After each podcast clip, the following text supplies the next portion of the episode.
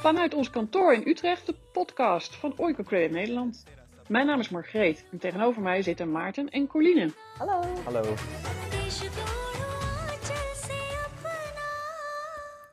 Ghana heeft een snel groeiende economie met veel export van cacao en goud en olie. Maar hoe is het leven van de kleine ondernemers in dit land? Maarten, jij bent in Ghana geweest om microkredietinstellingen te bezoeken en ondernemers te bezoeken. En hoe eh, vond je dat? Ja, klopt. Ik was in Ghana voor EcoCredit. Uh, dat vond ik best wel bijzonder, want dat was voor het eerst dat ik voor mijn werk naar het buitenland ging. Uh, het was niet voor het eerst dat ik in Afrika was, maar wel op zo'n zakelijke reis. Dus dat vond ik best wel spannend. Ik ging vanuit ons kantoor als enige. Dus de mensen die ik daar ontmoette, dat waren mijn EcoCredit collega's uit andere landen. Dus die kende ik ook nog niet. Dat vond ik nog extra spannend. Um, en ik vond het heel bijzonder. Bijzonder dat ik het, dat ik het mocht meemaken, maar ook dat ik, dat ik kon zien wat echt de impact is van, van microkrediet, hoe dat werkt, hoe het in de praktijk gaat. Dat vond ik heel interessant. En wat was dan specifiek de reden van je bezoek aan Ghana? Eén uh, keer per jaar organiseert Oicocredit International, dat is ons internationale kantoor, een study tour. Uh, daar mogen mensen uit uh, alle landen waar Oicocredit actief is, mogen mee op reis. Um, en die krijgen dan in dat land te zien onze partners en microkredietondernemers. Om te zien wat dus echt de impact is van ons werk en hoe dat echt in een land in zijn werk gaat. Uh, en ik was daar dus één van. Mee waren ook um, collega's uit onze lokale kantoren. Dus er was iemand mee uit ons kantoor uit Ghana, dat was Maria. En er was iemand mee uit ons regiokantoor van West-Afrika en hij heette Yves. Uh, en zij vertelde ook wat meer over de lokale economie en hoe uh, microkrediet in Ghana werkt, maar ook in dat gedeelte van Afrika. Um, en daar heb ik echt veel van opgestoken. Hey, en wat viel je het meeste op? Nou, wat anders was uh, dan wat ik had verwacht, dus dat viel mij heel erg op, was dat microkrediet en onze partners heel professioneel zijn. Dat het ook echt een, een markt is, dus het is echt een, een business. Um, wat een goed teken is volgens mij, want het betekent dat het, dat het gangbaar is, dat er goede regels zijn, dat het goed geregeld is. Um, maar dat betekent ook dat het best wel grootschalig is. Dus er zijn heel veel mensen die een microkrediet krijgen. Um, dus dat is allemaal heel erg goed geregeld. Maar dat is anders dan ik had verwacht. Want ik had verwacht dat microkrediet veel kleinschaliger was of veel... Nee, niet kleinschalig. Ik had verwacht dat microkrediet in veel kleinere vorm in zo'n land aanwezig zou zijn. Uh, maar ik zag dat microkrediet gewoon een heel belangrijke rol heeft in een land en in de economie van een land. En vooral in de levens van de mensen, van de mensen daar. Uh, en het is dus veel minder klein dan ik in mijn hoofd had. Niet zo micro. Uh, ja, de, de, microkredieten zijn natuurlijk wel micro, alleen de, de, de markt en de omvang van hoeveel mensen ze bereiken is gewoon best wel groot. Ja. En je hebt dus zelf ook uh, ondernemers uh, uh, ontmoet die microkrediet hebben gekregen. En wat is je daarvan het meeste bijgebleven? Ja, klopt. Ik ben die week heel veel op pad geweest. Ik heb hele lange dagen gemaakt. Dat betekent heel vroeg opstaan en heel laat naar bed. Um, maar wat niet erg was, want daardoor konden we heel veel microkredietondernemers bezoeken. dus ik heb ook heel veel verhalen van microkredietondernemers. Um, maar misschien de, de eerste was misschien wel, nou, misschien niet het meest bijzonders, maar dat is me heel erg bijgebleven, omdat ik uh, daar uh, pas echt besefte uh, wat het verschil was tussen mijn, mijn, hoe ik het in mijn hoofd zag en hoe het in het echt was. Dus ik ontmoette als eerst een vrouw, ze heette Aishetu.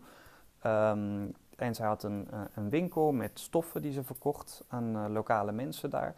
Uh, en die vrouw was dus best wel succesvol. Ze had al heel lang microkrediet. Uit mijn hoofd had ze wel iets van uh, al twintig jaar microkrediet. Uh, in het begin heel klein, want zoals twintig jaar geleden begon ze met um, stoffen verkopen op straat. Dus uit een mand die ze op haar hoofd zette en dan door de straten liep. Of die mand zette ze dan op, op, straat. Toen kreeg ze de microkrediet, is ze een winkeltje begonnen. Nu zijn we twintig jaar verder um, en gaan haar zaken gewoon supergoed. Uh, zo goed dat ze af en toe naar het buitenland kan reizen om stoffen te kopen. Dus bijvoorbeeld naar een buurland zoals Togo. Maar ze vertelde dat ze ook wel eens naar China is geweest of naar India om daar stoffen te kopen. Uh, wat natuurlijk heel mooi is dat zij zo heeft kunnen groeien en dat het allemaal begonnen is met een microkrediet. En wat ik ook mooi vind is dat nu ze zo is gegroeid, dat ze nog steeds de mogelijkheid heeft om een lening te krijgen. Dat is dan geen microkrediet meer, maar wat meer een uh, MKB-krediet. Dus dat is een, een, krediet voor wat grotere, middelgrote bedrijven. Um, en waar ze het nu voor gebruikte is om voorraad te kopen. Dus ze zei dan koop ik, wat, kan ik wat meer stoffen tegelijk inkopen, heb ik wat meer korting, heb ik ook wat meer zekerheid. Maar tegelijkertijd vertelde ze ook uh, dat als ze geen krediet zou krijgen, dat ze het ook nog wel zou redden. Um, uh, dat het dan wat moeilijk is, dat ze bijvoorbeeld maar voor een week stoffen kan kopen en nu bijvoorbeeld voor een maand.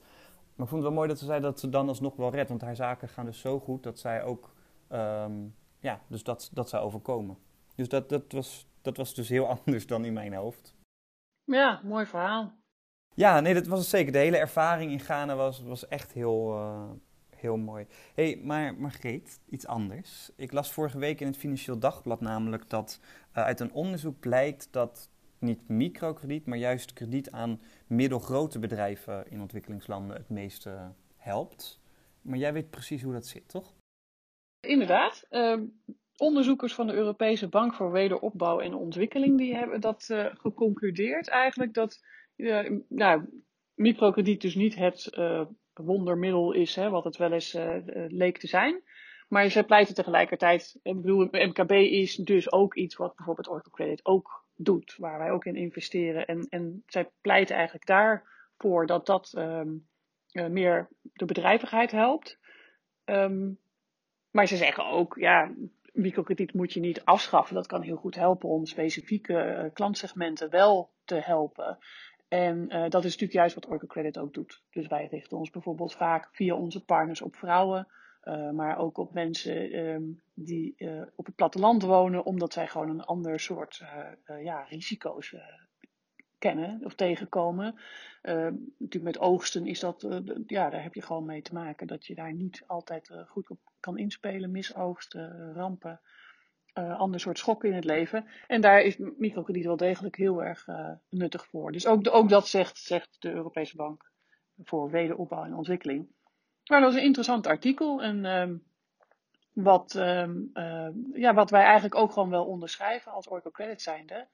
Maar het belangrijkste is dat je zowel voor de partners als voor de eindklanten van die partners, daar moet je gewoon heel goed je due diligence doen. Due diligence, wat is dat?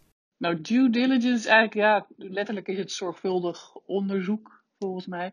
Um, het is eigenlijk een, een, een, term, zeg maar, die staat voor het onderzoek wat je doet naar een bedrijf. Dus een onderneming, die moet je uh, natuurlijk doorlichten op allerlei aspecten. Um, om te kijken van, van hoe, hoe werken zij, zijn zij wel geschikt inderdaad voor ons, dus als Oracle Credit, om in te investeren. Gaat het over de, de sociale doelstellingen die wij eigenlijk nastreven. Um, en dat geldt natuurlijk voor microfinancieringsinstellingen net zo goed als voor andere organisaties. Dus dat is heel belangrijk in, uh, in onze werkwijze ook. En je hebt het over dat onderzoek, maar hoe ziet zo'n onderzoek er in de praktijk uit? Uh, in de praktijk um, ja, betekent dat dat er dus heel veel gesproken wordt met management bijvoorbeeld van zo'n partnerorganisatie. Dat er uh, allerlei gesprekken plaatsvinden met, met gewoon allerlei um, functies natuurlijk in zo'n bedrijf. Denk aan de compliance, aan risk managers, aan ook aan de marketingkant. Waar het gaat over producten, waar het gaat over hoe, hoe ze überhaupt hun, processen zeg maar, inrichten. Um, en dat is heel belangrijk. En tegelijkertijd uh, wordt er dus ook veldonderzoek gedaan. Dus Oracle Credit gaat meestal op zo'n bezoek mee met de partner het veld in. En dan bijvoorbeeld een aantal microkredietklanten ook, ook vragen stellen. En kijken hoe zij het ervaren. Ook hoe ze het productaanbod ervaren. En of dat het allemaal transparant genoeg is. Dat zijn natuurlijk hele belangrijke aspecten om, om daadwerkelijk te onderzoeken. Wil je weten hoe, hoe die partner ja, te werk gaat als je het hebt over dat onderzoek en als je kijkt naar hoe Oicocredit dat doet, kan je dan vertellen uh, wie zo'n onderzoek dat doet? Uh, doe jij dat zelf? Dat doe ik niet zelf. Daar, uh, um, ik heb een andere focus hier. Um, dat gebeurt door Oracle Credit International. Dus de mensen die wij um, ook lokaal daar hebben werken, die werken daar uiteraard direct aan mee. Vervolgens komt een, een onderzoek komt ook weer terecht bij het hoofdkantoor in, in Amersfoort. En daar wordt natuurlijk naar zo'n voorstel voor kredietverstrekking ook gekeken, weer door een speciaal team, wat daar nou ja, vanuit verschillende invalshoeken naar kijkt. En de invalshoek kan bijvoorbeeld ook zijn de social performance specifiek, maar ook specifiek de, de risk management kant. Dus je moet natuurlijk vanuit heel veel verschillende invalshoeken kijken naar wat je bevindingen zijn. Ja, dat is denk ik een heel zorgvuldig proces vooral. En uh, waar, waar zowel lokale mensen als, uh, als uh, vanuit het centrale kantoor natuurlijk ja, echt goed zorgvuldig mee bezig zijn. Want dat is heel erg belangrijk om onze missie natuurlijk te, te bereiken. We horen ook heel veel van de verhalen over microkredietondernemers. Dat, in ons werk hoort dat erbij, dat wij die verhalen ook vertellen. Ehm, in elke podcast die we maken vertelt Corline zo'n verhaal wat haar extra heeft geraakt. En deze keer gaat het over Agus uit Indonesië. Ja, klopt. Een tijdje terug hoorde ik eh, het verhaal van Agus en dat, uh, dat raakte me inderdaad. Hij werkt namelijk als bouwvakker in Jakarta, dat is in Indonesië. Maar uh, nou, de grote stad en het leven werd er eigenlijk te duur voor hem en zijn vrouw en zijn kinderen.